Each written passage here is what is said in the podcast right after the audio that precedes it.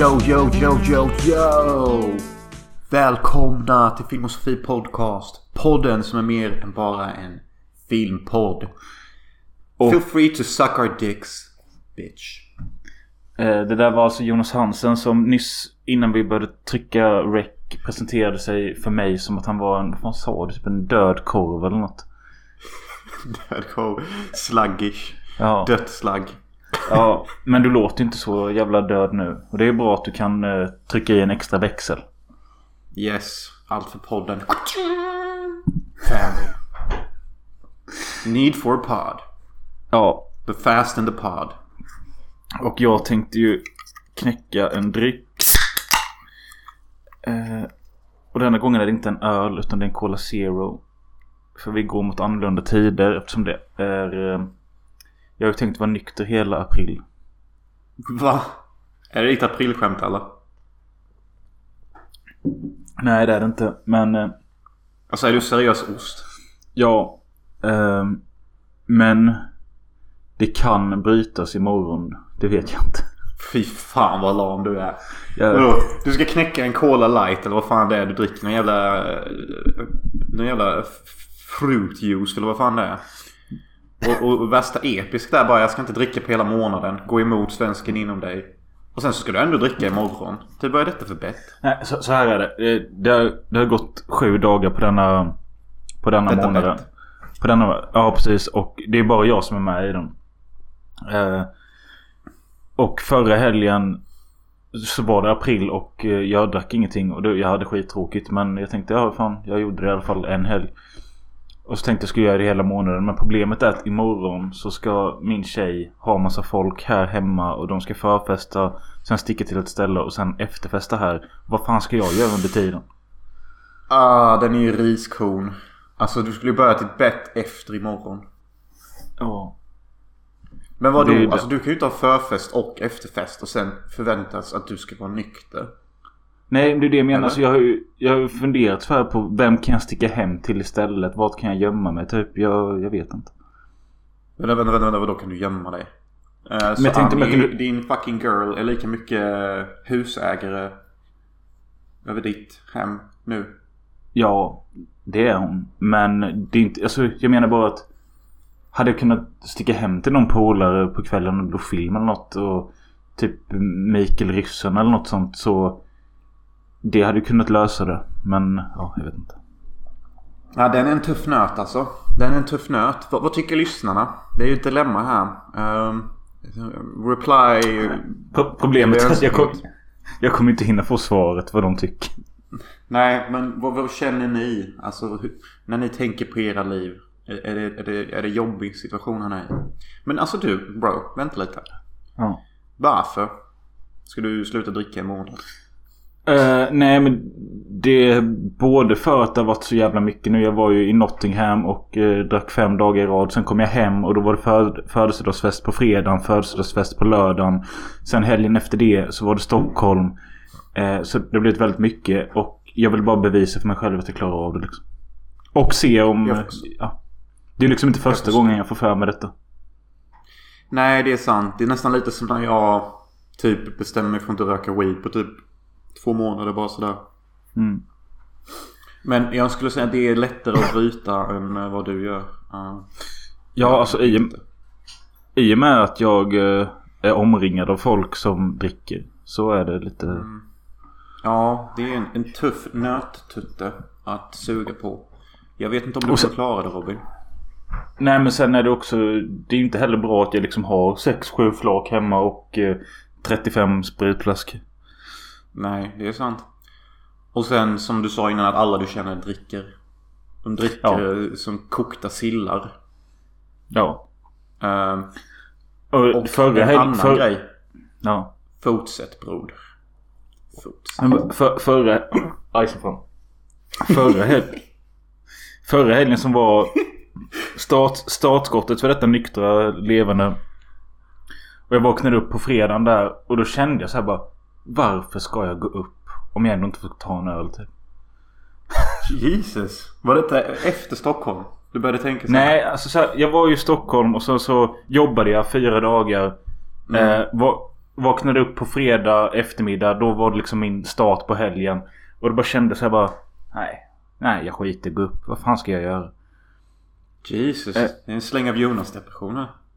Ja, eh, men däremot det underlättade då att både på fredagen och lördagen att det var bara jag och min tjej här hemma och hon drack ingenting. Men sen så var det så här bara, ja men vi ska städa lite. Jag skulle dammsuga och laga mat. Någonting jag i vanliga fall hade druckit ett glas vin eller tagit någon öl till samtidigt. Och jag bara, det här är skittråkigt. Varför? Och var nykter menar du? Ja. Ja, du har ju liksom lärt in dig det att du tycker det är kul. Och sen Hylte är ju dryckställe. Ja, ja. Alltså, alltså, sen så blev det mer så att eftersom jag satt den här spärren eller gränsen på mig själv. Att jag inte ens ska ta en öl. För då, då känns hela projektet meningslöst. Alltså för jag kanske hade nöjt mig då förra helgen med att tagit en öl ett glas whisky. Men nej, det blev... Nej. Tufft. Vad, vad tror du? Palla, inte palla? Kommer du palla?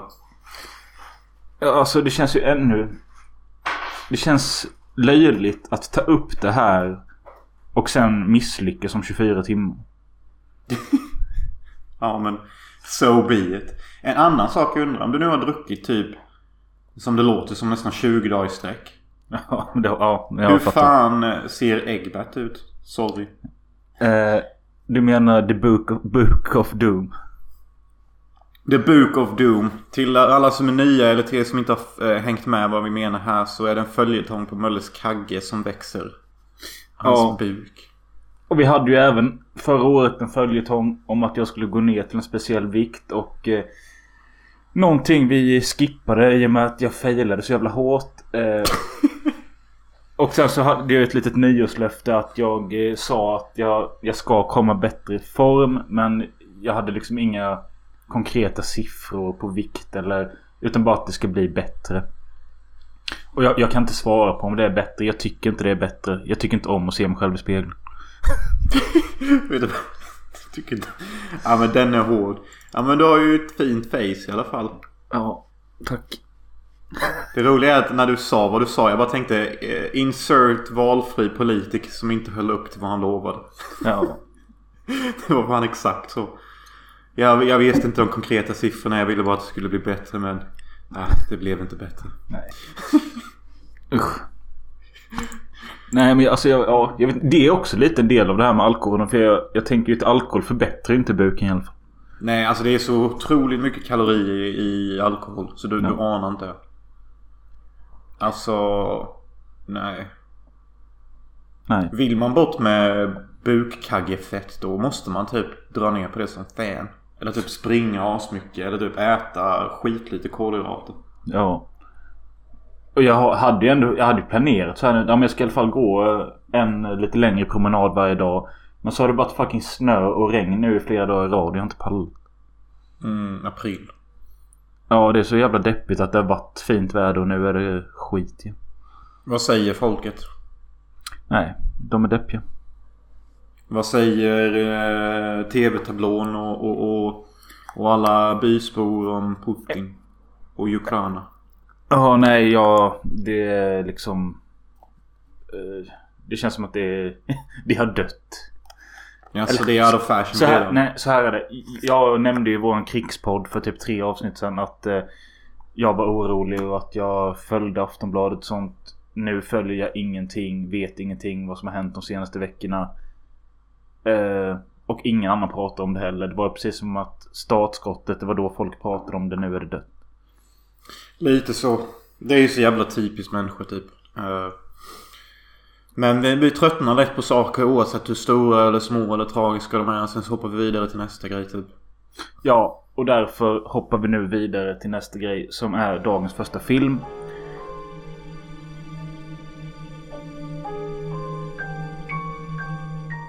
Nämligen en argentinsk hyllning till Giallo-genren. En film vid namn The Last Matinee. Eh, för det är väl det det är va? En hyllning till Giallo och gammal italiensk genrefilm. Yes, exakt som vi förklarade precis så eh, handlar Giallo om stilistiska mördare som mördar vackra kvinnor. Mördar han en man, ja då... Då, då, är, då är det lite off för denna genren. För det är vackra kvinnor som ska dö. Okej? Och det dör ungefär lika ofta en man som det dör en ful kvinna. Så typ aldrig. Jag hängde inte med ett skit på det. Detta är... Denna genren är officiellt för de människorna som har problem. Eller eh, sådana som är lite sugna på att bli seriemördare själva. Jag tänker speciellt på sådana som Ted Bundy. Han hade ju älskat denna genren. Han hade ju bara... Alltså jag mördar ju bara vackra brunetter själv. Så jag förstår ihjäl åt 100%. Fast där är det oftast vackra blondiner som dör. Ja. Eh, och därför skiljer sig denna lite från den klassiska Giallon. Eh, för att här dör ju män också. Ändå. Och fucking kids. Ja, just det. Eh, det reagerade jag på. Fucking kids. Ja. De, eh, ja, barn dör och eh, det... Ja, det är ju inte så att de får en lättare död än de vuxna. Nej. Fan, en av kidsen blir ju, får ju sitt huvud mosat ganska många gånger av typ någon jävla minidörr typ. Ja. Eh, The Last Matinee i alla fall. Den eh, utspelar sig i en biograf.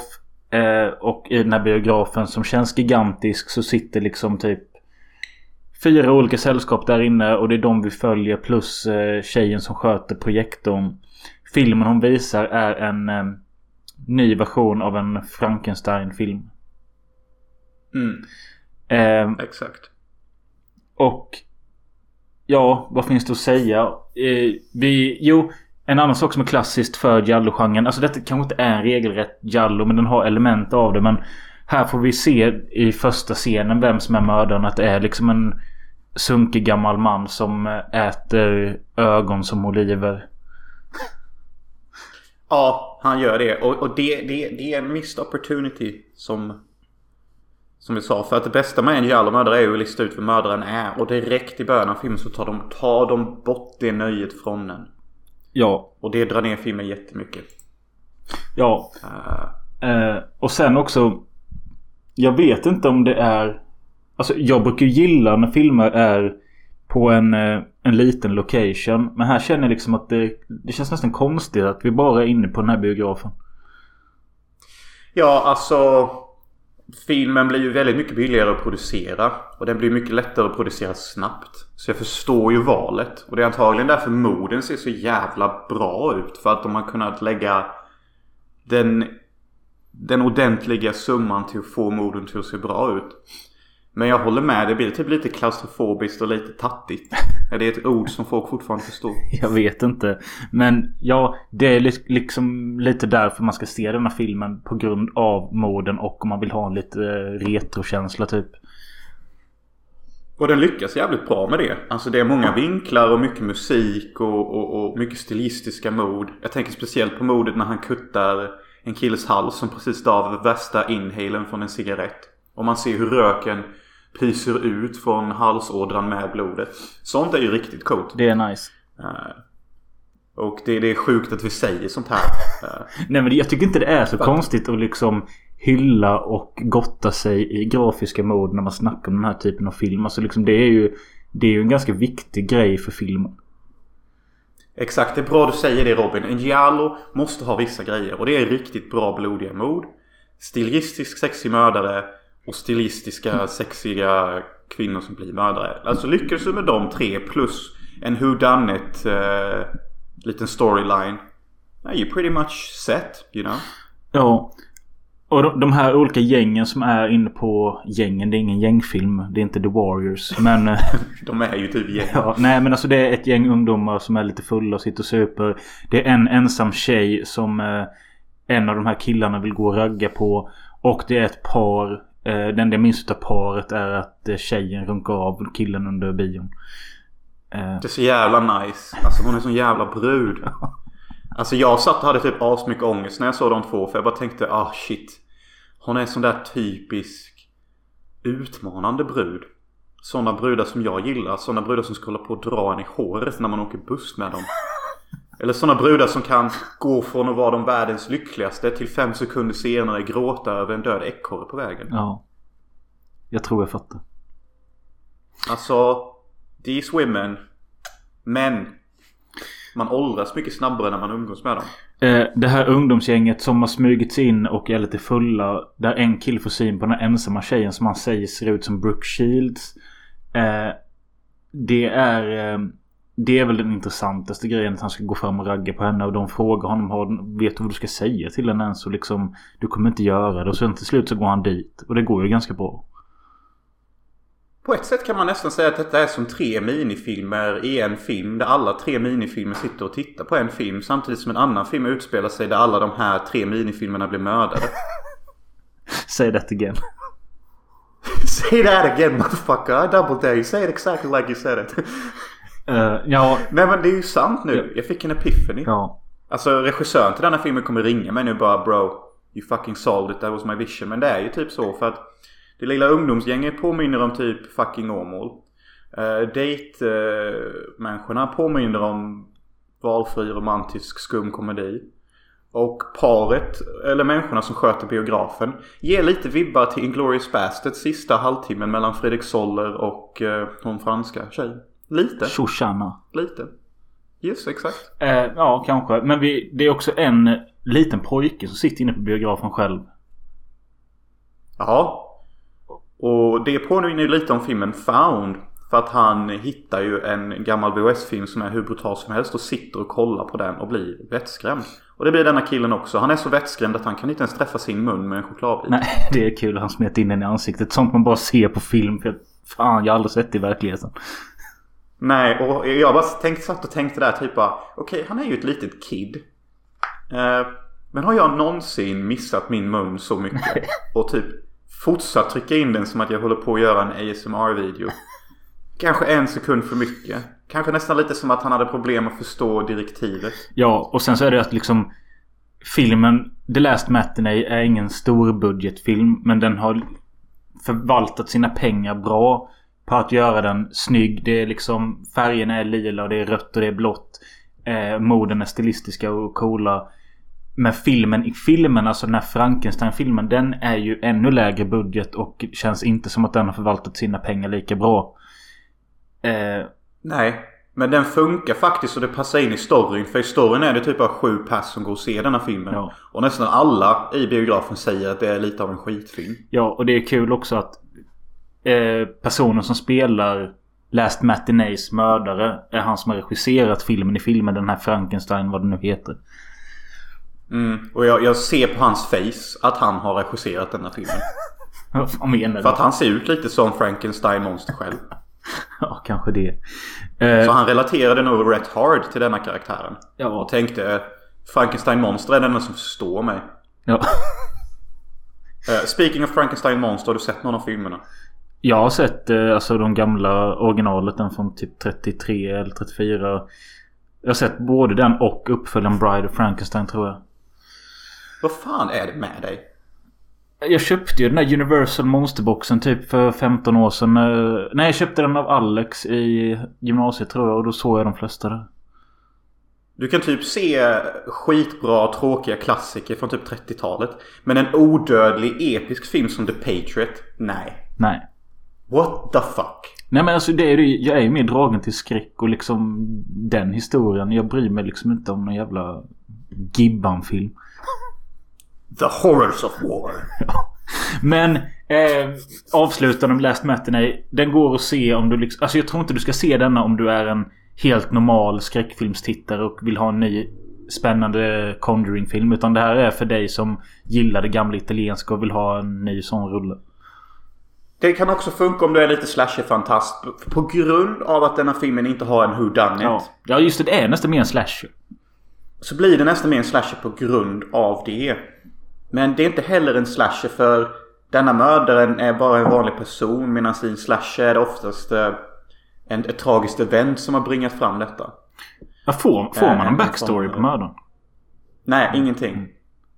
Det är ingen backstory någonstans med någonting. Mm. Vilket är lite chockerande för Dialogerna är jätterealistiska och bra och, djupa och, och förklarande på något sätt. Men den lyckas ändå vara ytlig. så det är jättekonstigt. Ja, men ja. De lägger inte så mycket, vad heter det, character development. Det är liksom... Nej. Nej, och jag önskar att manuset hade fått en titt till. Typ att du och jag hade kommit in och bara fixat till de sista bitarna. Så det hade kunnat bli en 4 av 5 istället för typ en svag 3 som det är nu. Ja, det är precis vad det är. Vi går vidare.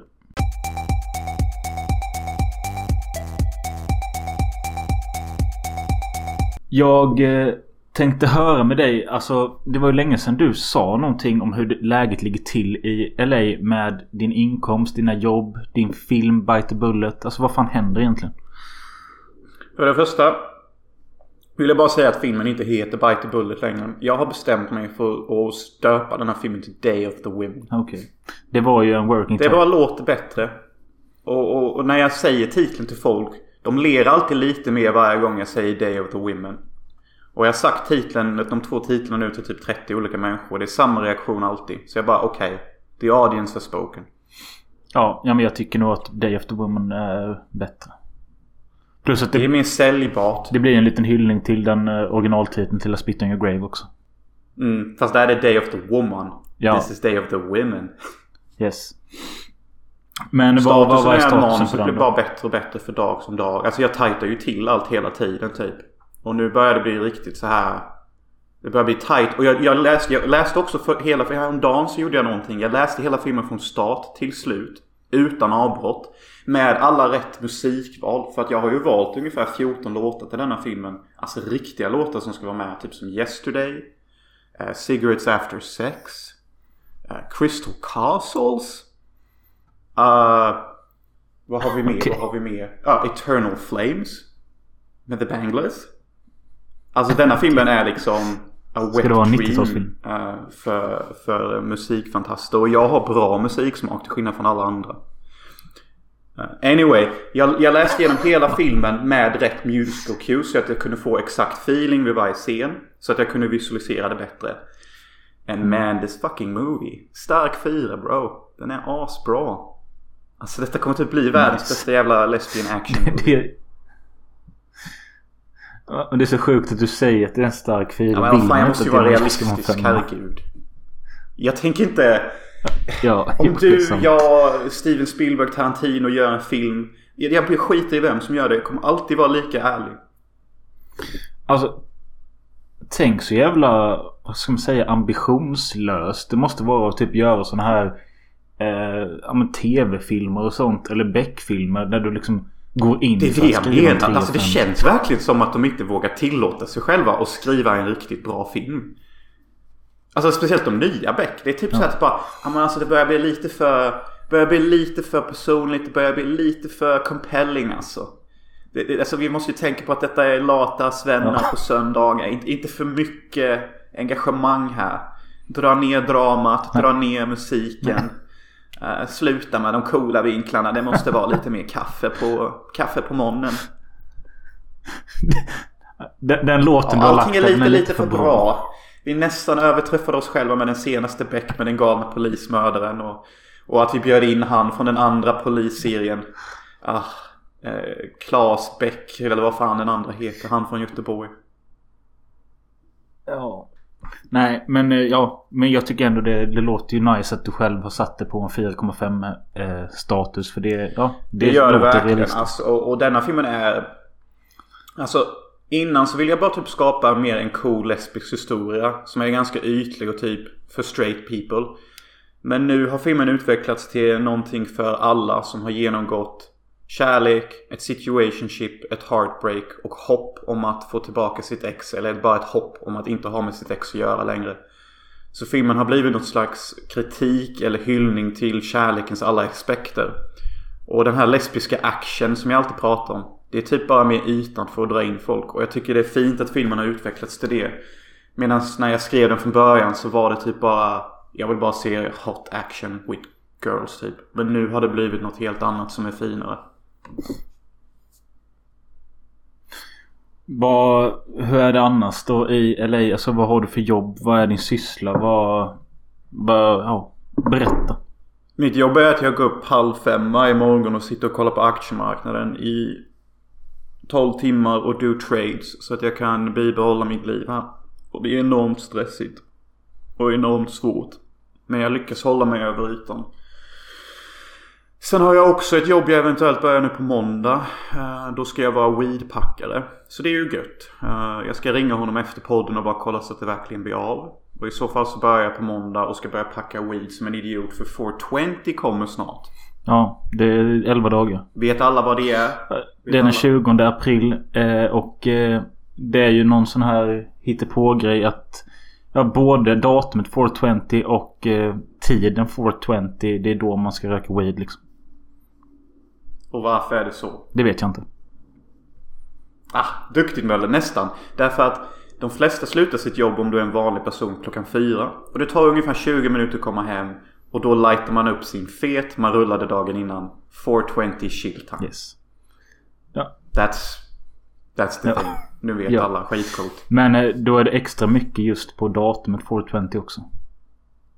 Ja, exakt. Så det är det typ den internationella, officiella, inofficiella cannabisdagen för världen. Så det är extra mycket cannabisrök, extra mycket cannabisköp.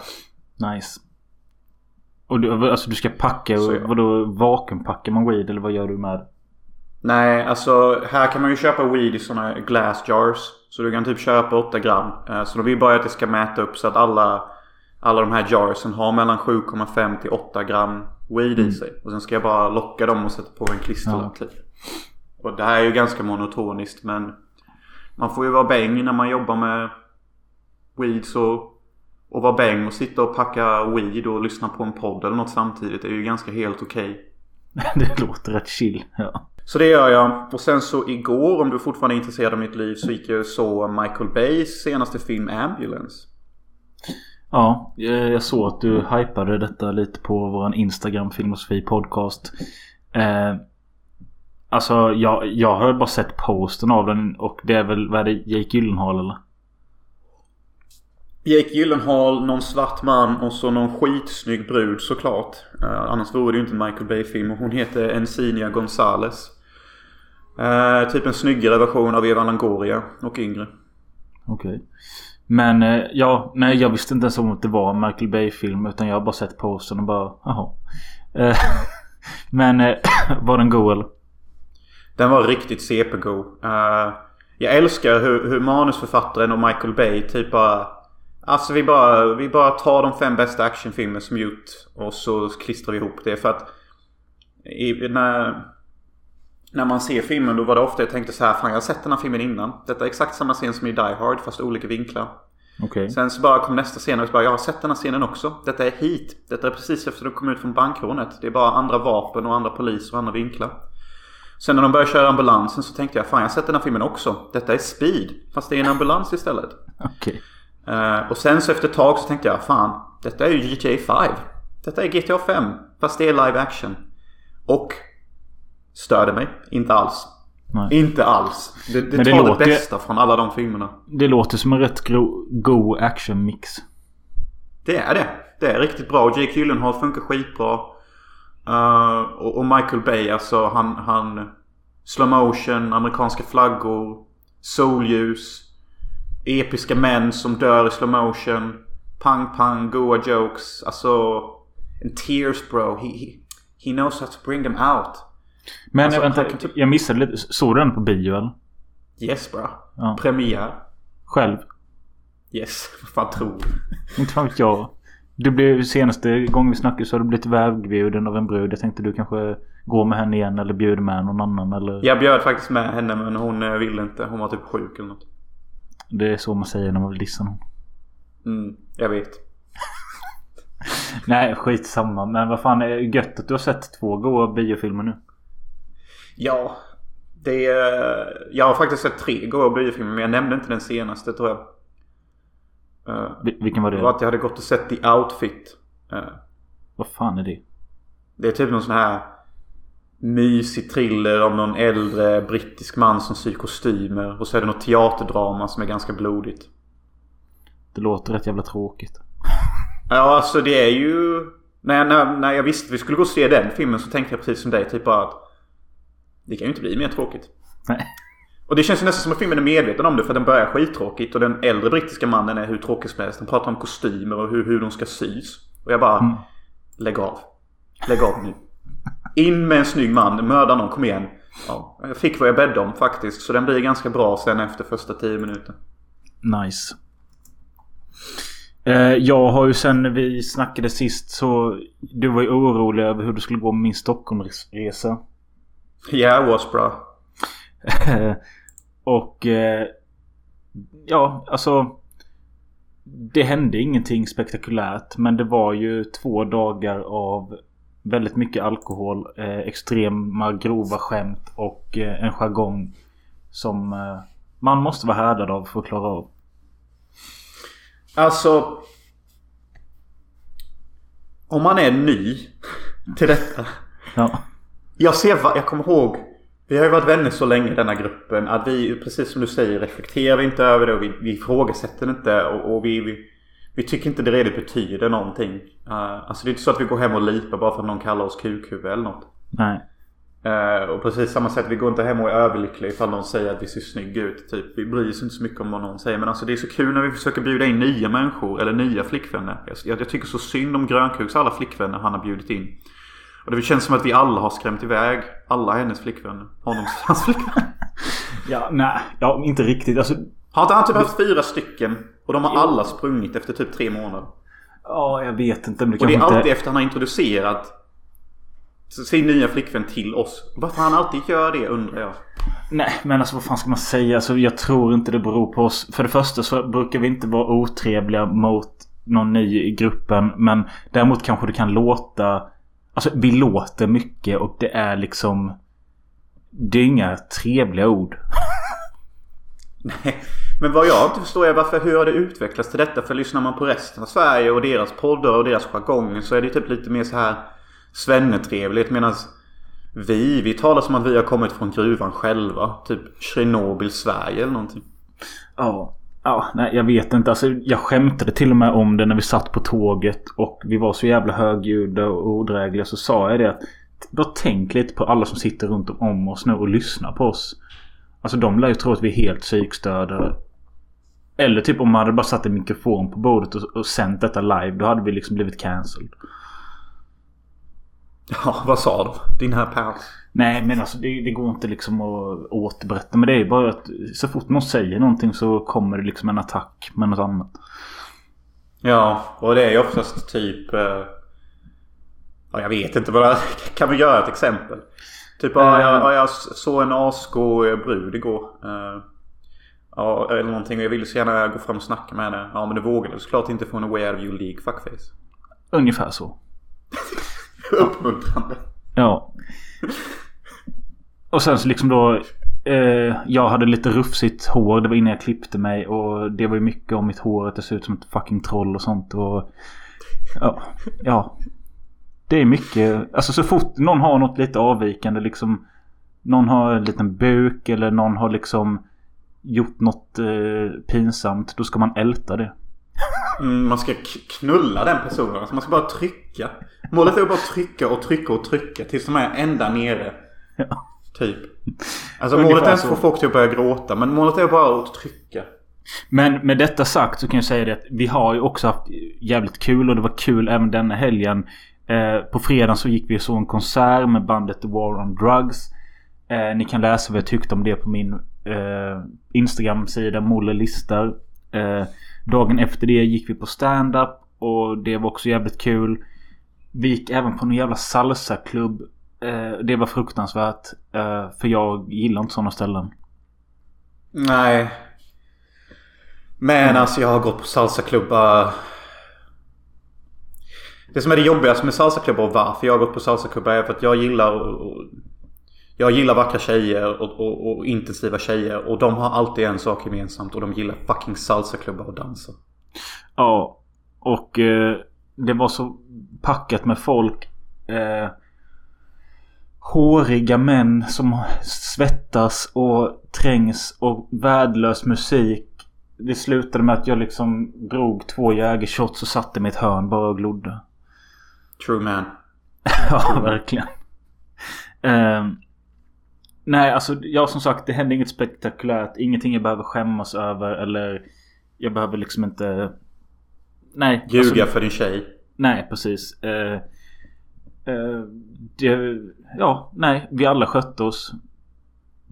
Eh, jag tänkte säga exemplariskt men det gör vi ju aldrig. Men Var det någon som spydde eller något? ja, det var en, del, en hel del spyor. Jag spydde Från- inte. Nej, gött. Gött.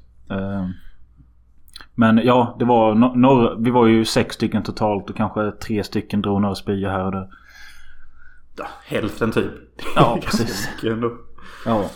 Men jag också när man... Jag tänker också så här, även fast det är hård jargong och sånt.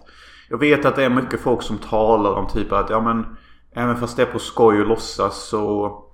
Så, så har sådana här ord oavsett stämning, negativ eh, inbördan längre tid. Vad håller du med om detta argumentet? Att, Alltså visst, alltså, vi- vi är väl ganska personliga i våra attacker. Men jag har nog aldrig liksom... Jo, någon gång har jag väl eh, rytit ifrån liksom att nej, nu är det fan inte kul längre. Och det, men det...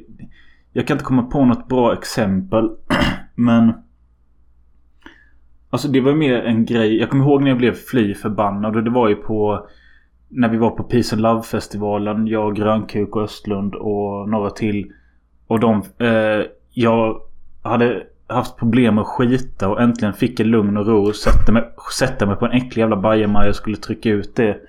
Eh, och då börjar de och ska försöka välta den här bajamajan bara för att det är första gången jag... De har varit och skitit hundra gånger helt lugnt och ro. När jag väl går första gången så ska de försöka välta den. Eh, och då blev jag riktigt förbannad. fick du skit på dig? Nej, jag fick inte det. Men eh, det, alltså, det var bara en sån... Och likadant där. Liksom, då hade man liksom manglat hård jargong så här i två, tre dagar. Och så blev det liksom så bara en punkt över i att, att nu... Det här var inte kul längre. Ja, jag förstår det. Och sen så är det också, jag kommer ihåg. Det jag förstår att du bara är där och, och sånt. Och alkohol tröttar ju också ur sinnet. Och det spelar ingen roll om man är snäll eller om man säger eh, schysst onda saker typ. Alltså efter två dagars sup. Så kan man vara rätt känslig mot det mesta typ. Ja, och det kände jag. Alltså, även om vi drack ju öl på hemvägen på tåget. Och... Eh, alltså, vi var trötta, vi var fulla och bakfulla samtidigt. Och... Alltså det är ju inte bara... Jag, jag, jag får det att låta som att vi bara klankar ner på varandra. Men det är inte bara det. Men det är bara det att allting vi säger... Oavsett vad det handlar om slutar med en sjuk kommentar. Typ alltså liksom skulle vi prata om Ukraina-kriget så hade vi liksom bara... Alltså det har slutat i ett dumt skämt bara. Ja, typ som ja, det positiva med Ukraina-kriget är att vi får massa sexiga flyktingar som kommer till oss. Det är ju en Ja. sjuk kommentar att säga. Ja, alltså vem fan precis. tänker på sånt och säger sånt? Nej, men ja, ungefär sådana kommentarer och... Eh, eh, det är ju ingenting man direkt... Jo, man reflekterar ju över det i stunden för att man skrattar åt att det är ett sjukt sagt och man försöker liksom eh, bräcka de andra i sjukhet med att fylla på ännu mer liksom. Och det är så det rullar på och jag tycker det är jävligt kul men man kan inte ha det för länge för liksom... Hade, det, hade jag varit iväg med det här gänget i två dagar till så hade det... Alltså, man orkar inte det. Nej, det, det påminner ju lite om Dirty Sanchez. Kommer du ihåg mot sista säsongerna där? Eh, Ja. Nu vet jag inte om kidsen som lyssnar fattar vad vi pratar om. Men de hade ju också så här CP-hård jargong. De var som en hårdare version av Jackass typ. Det, det- britt, det- det brittiska killar. Ja, och det kom ju till ett tillfälle de där senaste, sista avsnittet jag kommer ihåg när jag typ var 12 eller någonting. Där typ alla bara gömde sig för varandra och alla bara typ grät och typ Don't cut my fucking hair bro! Don't come here with that taser mate! I'll, I'll fucking pee on you! Alltså typ Det hade ju lett över till det till slut. Ja. Ja. Eh, och likadant på tal om nämnde Jackass. Jag hörde ju en in, eh, poddintervju med Rab himself. Han eh, försvann ju från Jackass-gänget ganska tidigt. Men han sa att det var så sjukt jävla jobbigt att leva i den här sfären när de spelade in Viva La Bam och allt sånt här. Att vara konstant Konstant vara rädd eller att någonting ska hända. Konstant mobbing av varandra och oavsett om kameran var på eller inte så var det liksom bara jobbigt. Jag kan köpa det. Alltså sånt här jargong oavsett om du är man eh, eller inte är ju inte för alla typ. Nej. Uh, så det inte är, alltså Jag har ju växt upp i denna jargongen. Så jag har ju en lite så här eh, romantisk du vet, koppling till det. Mm. Men jag kan tänka mig om jag hade växt upp i en annan omgivning och sen blivit inbjuden alltså på äldre dag till er grupp. Mm. Alltså som en utomstående typ nu. Jag hade ju inte pallat det. Nej. alls. Men sen är det också, alltså, det är en jävla skillnad. Säg att du och jag sitter här, här hemma hos mig. Du och jag dricker några öl, chillar lite, snackar lite. Visst, vi har ju våra kommentarer till varandra med. Men eh, det är ju liksom inte hela tiden och vi skrattar åt det. Men det är så fort det kommer liksom en eller två till. Spelar inte så stor roll vilka det är. Men det är liksom när man blir en grupp som... Det är liksom... Nu kan vi inte snacka så seriöst längre. Utan nu är det liksom mer bara... Säg något sjukt, säg något sjukt, säg något sjukt.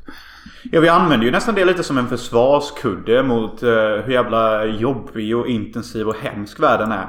Ja. Så vi balanserar ut detta med sjuka kommentarer. Och vi säger sjuka kommentarer men det är ju sant. Ja. Alltså vi kommer ju få sexiga flyktingar till oss. Det är ju faktiskt sant. Ja. Ukrainska människor är snygga som fan. Det är de. Ja. De är typ vackrast på jorden. Så det är ju ganska naturligt, även fast det är sjukt sagt, att ja, vi kommer få sexiga flyktingar. För de är sexiga i det landet. Makes Mm. Ja. fucking sense. Ja. Men det är ändå rent sociologiskt sett så är inte det okej att säga så. Och Nej. det är där vi kommer in som vårt gäng och säger de grejerna som är sant som man inte får säga. Typ. Ja. Nej men jag vet, alltså det var någonting jag nämnde ju någon gång typ så här i förbifarten bara. Att jag bor jämte ett dagis. Och då var kommentaren direkt. Ja då får du ligga mycket. Ja men vad fan, alltså du la ju upp den själv bro. Ja, jag vet. Det är det. Men det, man tänker ju aldrig på vad man säger. Nej men alltså om du lägger upp en perfekt eh, serve alltså då... Ja, jag vet. Då är det bara för, först, först till smash. Ja exakt. Men det är också lite så alltså typ. Ah, varför blev vi så här? Men det är bara för att vi växte upp i Hyltebruk. Alltså det är sånt stört ställe. Man måste typ hitta ett sätt att försvara sig på. Och det kan vara att framstå som sjuk, vara stark fysiskt eller typ... Jag vet inte. Och, för oss alla tror jag vi bara valde, men om vi bara typ... Eh, alltså anfamnar våra sjuka tankar. Så kan vi bygga en slags rolig sköld mot allt det farliga typ. Alltså jag försöker bara komma ner på ett slags humaniserat djup varför vi är som vi är. Ja. Jag kommer tänka på mig en gång när eh, eh, Alex Wikström som jag nämner i podden då och då. Eh, han var och drack med mig och eh, grannen en kväll. Jag tror till och med du hade däckat här hemma. Och vi, jag och Alex gick över till grannen. Och vi satt och bara och drack vidare där. Och typ kollade lite klipp och sånt. Men både jag och grannen var i ett sånt perfekt flow av kommentarer, lines och eh, hån mot varandra. Att Alex satt och bara gapflabbade. Sen sa han bara att eran jargong med varandra är något av det roligaste jag har hört. Se, people think it's fucking fun. Ja. Men eh, Alex är ju också lite lagd åt vårt håll. Ja, han är ju det. Ja. Jag menar, där, där snackar vi om killen som tillät mig ha med hans jävla en minuts spya i min långfilm. Alltså vilken kille hade sagt ja till det? Det är en annan sak som vi kanske har nämnt i podden tidigare. Men om vi säger som om jag bockar ut min umgängeskrets och drar det långt. Så har jag liksom 20 vänner säger vi. Och ah, de är i ålder mellan 25 till eh, 36. Och ingen har barn. Det är lite speciellt också. Det är riktigt speciellt och jag ska också tänka nu för Jag känner ungefär lika många och alla är mellan 22 och typ 33. Och sen så har jag ju typ, jag har ju vänner i Schweiz, Frankrike, USA, England. De är ju överallt men de har inga barn heller. Och så plus alla de jag har i Sverige, no kids typ. Ja. Varför detta? Alltså detta är ju också lite av ett... Eh, vår generation är ju inte så sugna på att ha barn heller. Så vi kanske inte ska läsa för mycket in i det. Nej, men där, ja, nej, jag vet inte fan. Jag har, jag har ingen slutkläm på detta, men jag, alltså... Eh, vi har en sjuk eh, umgängeskrets som... Eh, eh, kanske håller på att växa upp lite, men med den mörka humorn intakt. Mm, och alltså, det är ju alltid... Som jag sa, den hårda jargongen är där, men den är hjärtlig. Den är hjärtlig och, och för att avrunda detta så tror jag jag jobbade med en, en väldigt vacker tjej en gång eh, På något jävla lager och, och, och vi var inne i en slags container och bara kastade ut lådor hon och jag Medan typ sju av våra arbetskollegor bara rippade på oss Typ ja ni kastar långsamt eller typ Fan kom igen. Alltså typ så här, Inte hård jargong som vi gör. Typ ja du är en jävla fitta som kastar lådor. Typ inget sånt. Eh, och då sa hon en grej som jag tycker passar väldigt in bra på detta. Hon sa så här att Alltså Det är rätt fint ändå att de skämtar och rippar på oss så mycket. För att om de hade ogillat oss hade de inte gjort det. Nej, nej. Det kan ligga något i det med. Att då är man en jämlike typ. Mm, och då tänkte jag, jag har alltid tänkt på det när hon sa det att ja, det är sant typ. Man, man skämtar och man hugger inte på folk om man inte tycker om dem. Så om någon rippar på dig eller typ har snaskiga kommentarer typ som verkar nedlåtande. Då är det för att de känner sig bekväma nog med dig till att kunna tala så. Vilket Mm. Är en form av trust. Sen är det lite svårt att avgöra med på vissa vad de tål och inte tål och när man kan börja vara hård mot någon. Alltså liksom Det finns ju Man börjar bli vän med någon om man träffar lite oftare och oftare. Alltså hur I och för sig man märker ganska snabbt vad de tycker är kul. Det gör man. Mm. Men det, det är lite skumt. Alltså, för ända sedan jag lämnade Sverige så har jag aldrig skaffat mig vänner som jag har i, i Sverige. Alltså jag har aldrig skaffat några liknande vänner. Uh, så alla vänner jag har skaffat efter Sverige har aldrig haft så här hård jargong som i Sverige. Och de säger aldrig elaka saker eller någonting. Man kan nästan säga att de vänner jag har skaffat efter Sverige är mer normala. Det enda som är lite annorlunda med dem är att de är alla konstnärsfreak typ. Och alla har filmdrömmar. Men alltså ingen av mina nya vänner kallar mig en idiot eller typ har hård jargong. Det kanske bara är en ja, men, svensk grej. typ. ja men antingen är det ju för att eh, de är inte lagda åt det hållet. Eller så är det för att ni inte har kommit tillräckligt nära varandra. Kan ju vara så. Eh, jag vet inte. Sen så har jag mest skaffat mig kvinnliga vänner och kvinnor eh, rent hugger aldrig på varandra utan de snackar skit om varandra. Mm. Eh, så jag vet inte. Jag, jag tror bara att jag, jag tänkte när jag, jag kommer ihåg när jag lämnade Sverige att jag ville att mycket skulle bli nytt och, och inte vara of the same. Så jag tror jag kanske sökte mig lite till annorlunda vänner bara för att inte hamna i samma. Mm. Det kan nog vara nyttigt. Ja, den enda som är ganska lik från Sverige var ju Solomon från Hawaii. Och det slutade ju i Andra- kaos. Ja, det slutade ju i kaos och slagsmål och alltihop. Um, så...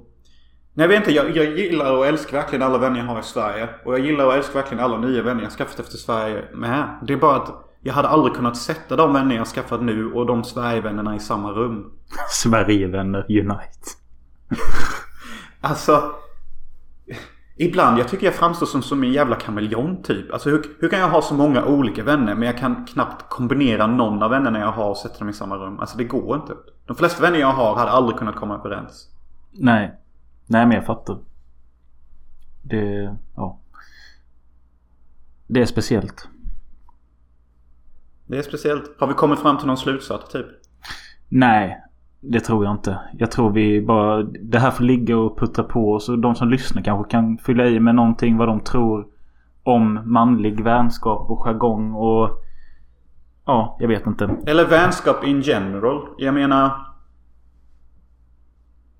Jag vet inte hur många kvinnliga lyssnare vi har. Jag vet knappt hur många manliga lyssnare vi har. Men alla har ju olika sorters vänkretsar och alla reagerar ju alltid över vår vänkrets. Och jag bara undrar hur de nu när de har lyssnat på allt detta reflekterar över sin egna vänkrets. Känner ni er avundsjuka? Känner ni er glada att ni har de vänner ni har? Känner ni att ni vill ha mer vänner? Eh, Ja. men ja. Tror du det kommer bli annorlunda när någon i det svenska gänget får sitt första kid typ? Eller kommer folk börja rippa på ungen då direkt? Typ, ah, fan vilken ful unge har. Vilken liten kuk han har. Ja.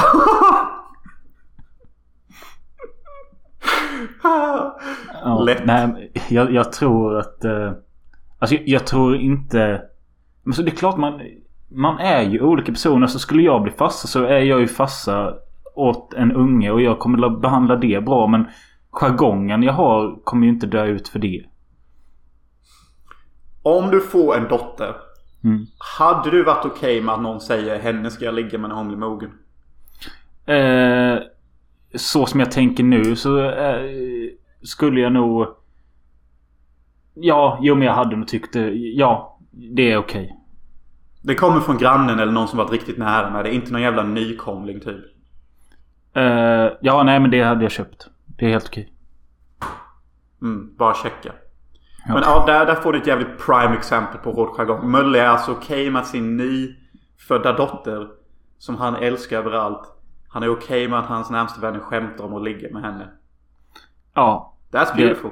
Ja. Det, där har vi slutklämmen.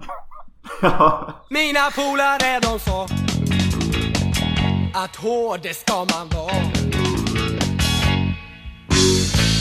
Charles Bronson och Clint Eastwood är våra. Mina polare de sa en fylla ska vi ha. Så jag snodde sprit av farsan och en fylla det fick jag. Polare är bra att ha. Vi är polare du och jag. Eh, ska vi avsluta med att prata om en ny exploitation-film? Eh, ja, det kan vi väl göra. Om man nu kan kalla det det. Men det är väl det man kan kalla. Det är en... eh, En lågbudget film som heter The Scary of 61st. This is our 9 11. What do you mean? I mean, it's a total paradigm shift. Red pilled a lot of people. Open their eyes to the realities of pedophilic corruption. Do you feel like you're being watched? Detta är världens sämsta titel jag har hört i hela mitt liv. Jag kan inte ens komma på en sämre titel. Ehm, hmm. Okej lyssnarna, ni hörde nyss titeln. Säg den. Jag ger er fem sekunder av tystnad. Och sen så kommer Mölle säga det och så kan vi kolla om ni hade rätt. The Scary of 61st. Okej, vad, vad sa ni? Ni sa säkert någonting The Scare of 69 eller något. Hur fan kan man komma ihåg den här titeln? Alltså jag tycker inte Och den vad är har så 61st kass. med någonting i filmen att göra som händer? De bor väl på 61 tror jag. Ja. Ja. I alla fall det är en eh, ny skräckfilm slash exploitation. Eh, av någon tjej som heter Dasha Nekrasova. Eh, Rysk tight jävel säkert. ja det är hon som spelar... Eh, hon spelar karaktären... Ja en av karaktärerna i filmen. Jag tror det är hon som kommer till huset. Filmen handlar i alla fall om det är två tjejer som flyttar in i en sunkig lägenhet. Någonstans är det New York. Eller vad är det någonstans? Ja, det är New York. Och den är väl inte sunkig direkt. Den är ganska stor och fin typ. Jo, tills de ser liksom att madrasserna är ju för fan blodiga. Ja just det, det hade jag helt glömt bort. Ja.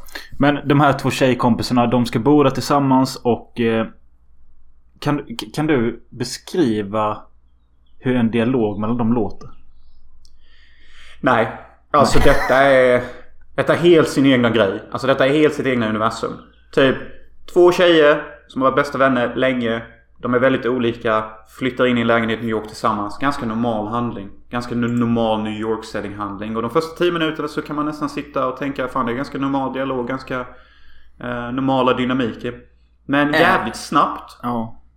och jävligt subtilt på något konstigt sätt så bara blir filmen helt fucking hjärndöd på något sätt. Alltså, att se den här filmen är som att se en definition av hur en hjärnskada upplevs typ. Alltså jag, jag, jag tyckte ju ganska snabbt, alltså kanske redan de första tio minuterna att dialogen de har och hur de pratar är jättekonstig. Och speciellt den mörkhåriga tjejen när hon pratar, alltså det mest... Alltså jag störde mig så på hennes röst och på hur de pratar. Alltså, jag, det är jätteilla är det. Alltså så här är det. Det är en blond tjej som har... Hon är ubersöt. Hon vill vara ihop med sin pojkvän. Hon gillar nallar. Och hon vill bli en skådespelerska. Och hon älskar United Kingdom och sånt. Hon är lite vrickad så. Medan den mörkhåriga brunetten är typ en hård lesbisk kvinna. Som har typ samma jargong som eh, våra Sverigevänner.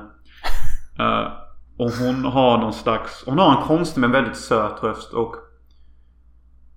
Alltså sen efter de här tio minuterna. Jag vet inte hur jag ska börja förklara filmen men alltså. Jo, för det man kan nämna är ju att det dyker upp en okänd kvinna på deras dörr. Och den kvinnan visar sig att hon vill till den här lägenheten. Och det är här vi, hon vill till lägenheten på grund av att det är där den riktiga eh, mångmiljonären, affärsmannen och våldtäktsmannen Jeff, Jeffrey Epstein har bott och haft orger i. Eh, vad kan du om Epstein? Ingen fucking ting. Jag hört namnet någon gång. Ja. Och Alltså, det, de här två. Den här ryska tjejen och den här lesbiska brunetten. eh, De två hit it off immediately. De, de snackar jättemycket om Epstein. Eh, De tar lite knark tillsammans. Och, och dialogerna är så... De är så naturliga. Det är sånt jävla flöde på dem. Att det känns som att du är satt i rummet med dem och bara lyssnar med. Alltså, personen som har skrivit det här manuset har inte tänkt på dramaturgiska kur- kurvor. Hon eller han har inte brytt sig om att saker ska ha en viss flow eller dynamik. Utan detta är bara, detta är bara flow. Detta är bara ord. Alltså jag, jag lovar att hälften av detta är bara improviserat och de har bara klippt ihop det så att det typ makear någon form av sens. Ja. Eh, och... Jag alltså just det här med att de tar ett riktigt fall och en riktig sexualförbrytare och forskar i det tyckte jag var ganska intressant. För det är ju inte ofta man liksom använder sig av något ganska aktuellt och en riktig människa och nämner det vid namn. Utan då brukar man oftast ändra namn eller liksom... Ja, jag vet inte. Jag tyckte det, det är skevt. Och liksom att de sitter och kollar på Google Maps var han hade sin jävla knullö någonstans och sånt. Mm, och de läser på och de pratar och pratar. Alltså detta är ju... Vänta. Detta kanske är en ny typ av genre. Konspirationsgenre. För det är typ vad det är. Alltså typ, är du... Gillar du konspiratorer och hur folk pratar som är väldigt inne i sånt här, då kommer du typ älska den här filmen. För så sättet de pratar och sånt, de plockar upp Google Maps. Då, alltså, det är så jävla intensivt. Typ sättet de snackar. Och jag fattar inte om vi ska... Alltså... Själv... Ja, de här håller på att forska om... Heter han Jeffrey Epstein? Jag tror han heter det. Ja, I alla fall. Jeffrey Epstein. Eh, och i och med att den andra tjejen som inte är med, de här hon, tjejen som har en pojkvän.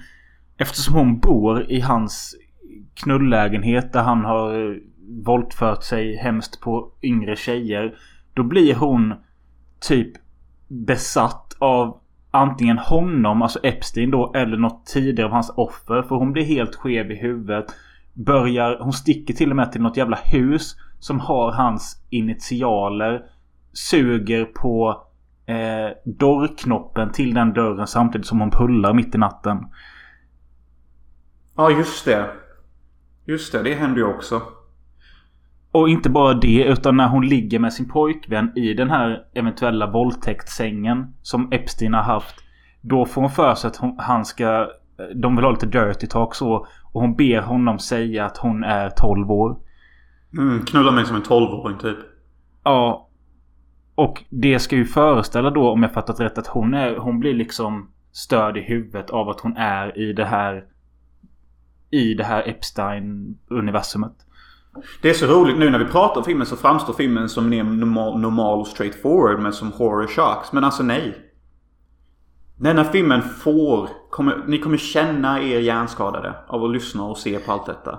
Någon skrev i kommentaren på Letterboxd Eyes wide shut for retards eller något sånt. Eyes wide shut for girls with brain damage. Och det är Ja. fan sant. Det låter ju som att jag hatar filmen men jag tyckte filmen var skitbra. Alltså jag älskade denna filmen. Det är så jävla nice alltså. Och jag känner att, alltså... Det jag kände med den var att jag aldrig sett något liknande och det är alltid positivt för... Jag satt bara och kände så här flera gånger bara vad fan är det här egentligen? Och det... Alltså det kan man ju säga om skitfilmer man ser också men här är det en positiv bemärkelse. För jag tycker ändå att tjejen som har gjort filmen har gjort någonting helt unikt. Men sen var jag ändå inte helt såld på det för jag tyckte det, alltså... Exakt, jag håller med. Jag håller med. Det är verkligen inte för alla. Och jag kan inte rekommendera denna filmen till någon. Det är lite samma sak som när jag älskar den här filmen med eh, Christopher Walken och... och eh, ah! H! Vilken? Ah! Men så låter han ju i alla filmer. Vilken menar du? Ah! Men vad heter han den där andra skådisen? Oh. Come on boy. The Lighthouse. Don't walk Jaha, up to the lighthouse. eh, ja, ja, men filmen heter The Lighthouse. Yes, men jag tänker inte på den filmen. Jag tänker på... Jag tänker på den här skitdåliga filmen som jag älskar som är ett 4 av 5 som har noll budget, inget ljus. och den med Jaha, Christopher eh, den... Eh, vad fan heter den? New Rose Hotel. Exakt. Den är också väldigt, väldigt unik och väldigt, väldigt kass. Och Ja. Jag kan inte rekommendera den och det är samma sak jag kände till denna. Väldigt, fast denna filmen är inte kass. Den är mer välgjord. Men den är så unik att jag inte kan rekommendera den till någon. Ja, och jag håller med. Alltså Visst, det blir lite mer... eh, Det blir lite blodigare mot slutet och det utvecklas väl. Eh, men... Jag tror att den faller för mig. Den både vinner och förlorar på att den är så pass skev och konstig. Ja, fast på ett sätt är det ju inte det. För det är ju inte så här konstiga färger eller konstig klippning. Alltså det är ju bara... Dialog och... Alltså hur karaktärerna fungerar typ. Ja, och hur de beter sig. Det är nästan lite som den där filmen vi såg som också lever i ett eget universum. Med hon från Sex and the City. Uh, fan heter den konstiga slasherfilmen? De bara går runt i något uh, nedgrävt hus och det är några jävla... Doom Asylum. Yes, Doom Asylum, yes. Ja, den var också verkligen en one Den filmen lever ju precis i sitt egna universum. Precis som denna filmen också gör det. Ja. Så denna filmen är som en blandning mellan Doom Asylum och New Rose Hotel. Ja, det skulle man faktiskt kunna säga. Det är ingenting man taggar till typ. Men däremot, alltså jag skulle ju... Gör den här tjejen en ny film snart så hade jag ju varit intresserad av att se den med. Ja, absolut. Kan hon balansera ut? Jag tror hon hade behövt balansera ut det lite. Alltså lite mer normalitet, lite mer normal dramaturgisk kurva. Hon hade faktiskt kunnat sitta på någonting som hade kunnat vara för alla. Ja. Det är en sak med just det här med Ice Watch Shut. Det nämns i många reviews och att eh, det dyker upp ett brev eller något sånt i filmen och det är exakt samma brev som är med i Ice Watch Shut. Det står exakt samma sak. Mm. Alltså, det är så många skeva grejer. De hittar typ ett, ett konstigt tarotkort eller pentagram. Och direkt så hoppar de till conclusion. Wow, your friend is fucked. We found Ja, just det. Ja, her room." just det. Ja. Yeah, she's fucked, but we're not fucked, so we can leave. Yeah, we Ja. should leave. But she's my friend. Yeah, I don't care if she's your friend. She's fucked. She's under the Jeffrey Epstein curse. Ja. Yeah, that's true. But still, she's my best friend. Well, she's not your best friend. She's demon possessed. Yeah, that's true. Det är typ dialogen. ja. Hela tiden. De, ja, det som du säger, de får någon långsökt grej med det här pentagrammet. Att det är liksom fem punkter i rummet eller något sånt. Och därför är hon fucked. Ja, men jag tycker det är så jävla fint när de där två börjar hångla och ligga med varandra. För att den här mörkhåriga tjejen säger ju i en ganska söt och kärleksfull ton typ bara Well, people are finally starting to listen to you. Things are coming to fruition. Och jag bara Va? Hon snackar ju inte med några människor. Hon pratar ju bara med dig. Vad kommer till fruition? Nej, nej. Det, ja, jag vet inte. Jag, alltså, du, du satt ju ett jävligt högt betyg på denna. Jag satt ett betydligt lägre. Eh, men det är för... Ja, jag vet inte vad jag håller på att svamla om nu. Men som du säger, man kan inte rekommendera den. Men vill man se något unikt och eh, skevt så se den. Och sen även fast den är unik och skev och jobbig. Det är en otroligt lättsam och ganska mysig film att bara sätta på. Mm. Alltså det är inte så här typ världen kommer gå under. Det är inte så att de här människorna älskar varandra till döds. Alltså de säger ganska chill typ bara ja hon är fucked vi kanske ska lämna henne. Yeah I think you're right. Alltså det, du behöver inte känna dig investerad. Alltså, alltså det är så underlig film bara. Ja, verkligen. Alltså den är jättebra men samtidigt är den askass. Säg vad Den den hette, säg vad den hette igen. 61st something. Scary Kom igen. 61st 2. Scary 53rd. Äh fan skitsamma.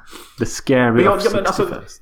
Den är så konstig precis som jag sa. Alltså, den är oengagerad samtidigt som den är engagerande. Den är läskig samtidigt som den inte alls är läskig. Dialogerna är normala och flytande fast de ändå inte är det. Alltså den här filmen är definitionen av motsägelse. Ja, verkligen. Ja, men då är vi klara med Scary of 61st. Men jag, ja, alltså, jag borde rekommendera den starkt samtidigt som jag också rekommenderar den inte. Alltså vad fan! Hur kan en film vara så här? Jag vet Man kan sätta en etta på det. Men det är lika väl okej att sätta en femma. Jo, I won't judge. Ingen film är ju så. Nej, nej. Jag håller med. Men vi måste avsluta den här podden. Um, vad, vad står på ditt schema nu idag? Skulle inte du på fest ikväll? Ja, ja. Eh, jag ska på hemmafest. Och eh, alltså det, det är mycket strategier bakom denna hemmafesten. Vad För det? Kat, den franska tjejen som jag ska till, hon har bara gjort den här hemmafesten för att hon är skitkåt på en kille. Jaha. Så det det är är, inte det är en sån typ av fest där vi alla ska försöka få henne till att bli ihop med den här killen eller någonting. Och jag bara visst, whatever. Eh, Fan vad skumt det låter. Mm. Men jag, jag måste ju tyvärr, jag måste gå och köpa weed ikväll. Och jag måste också gå och köpa en taser för jag ska ge det henne i födelsedagspresent. Nice. Och eh, jag är ensam hemma några timmar till och eh, startade för ett par timmar sedan en omröstning på min eh, Instagram. Där eh, jag la upp tre förslag på filmer. Eh, där den som får mest röstningar ska jag se nu ikväll. Och eh, det är min hundrade film i år. Wow. Så ska vi se vilken det blir nu då. Men vänta, jag får också lägga en röst om min röst kan vara avgörande. Okej, du kan få alternativen här då. Mm. Eh, In Bruges, House of the Devil eller Apocalypse Now. Uff. Jag vill ju säga In Bruges, men vet du varför jag inte vill säga den? Nej. Jag har ju alltid tänkt att nästa gång vi ser den att vi ska se den tillsammans In Bruges och sen podda efter det eller något. Det kan vi göra. Men då får Typ du som en rösta på... anniversary grej. För att vi firade ju inte vår senaste anniversary och nu kommer ju typ nästa anniversary upp igen. Ja, den är typ om en månad. LOL. Eh, men ja, men välj en av de andra två då. Vilka var de andra två? The House of the Devil och Apocalypse Now. Inte The House of the Devil med han Ty West. Jo, det är just därför jag blev sugen. Du ska tagga upp inför uh, X. hans nästa ex ja. Uh, Apocalypse Now är ju ganska gay. Nej det är den verkligen inte. Nej men jag röstar på alltså House in the Devil. Okej, då ska vi se här. Åh jävlar. eh, det är åtta röster på Apocalypse Now och eh, med dig så är det fyra på House of the Devil, en på In Bruges. Så vinnaren Va? är... En på In Bruges? Ja. Den är ju bäst av dem. Typ. Och det är Mr. André Väsare som har röstat på den. In Bruges? Mm. André ju the man. Jag hade också röstat på In Bruges om det inte varit för denna idén jag har. Ja. Eh, men ja, eh, Apocalypse Now vann inte helt oväntat. Så det får väl bli den då. Det är första gången jag kommer se den vanliga katten. Du ska se den vanliga katten. Ja. Den eh, är den bästa faktiskt. Av dem jag har sett. Ja. Och vad kan ni förvänta er i nästa podd? Är det någonting du vill säga? Eh, nej, vi kan väl få se hur det har gått med min eh, nyktra månad och eh, hur Jonas eh, fest slutade. Ja, och om det blir jobb och vad fan som händer i mitt liv här. Allting hänger ju lite på en skör lina. Ja. Följ oss på Instagram, Filmsofi Podcast och stödj oss på Patreon. Patreon.com slash filmosofi. Ja, snälla stöd oss där. Så vi kan få cash och vi kan göra sjuka grejer. Och annat. Ja. Ha det gött. Hej. Hej.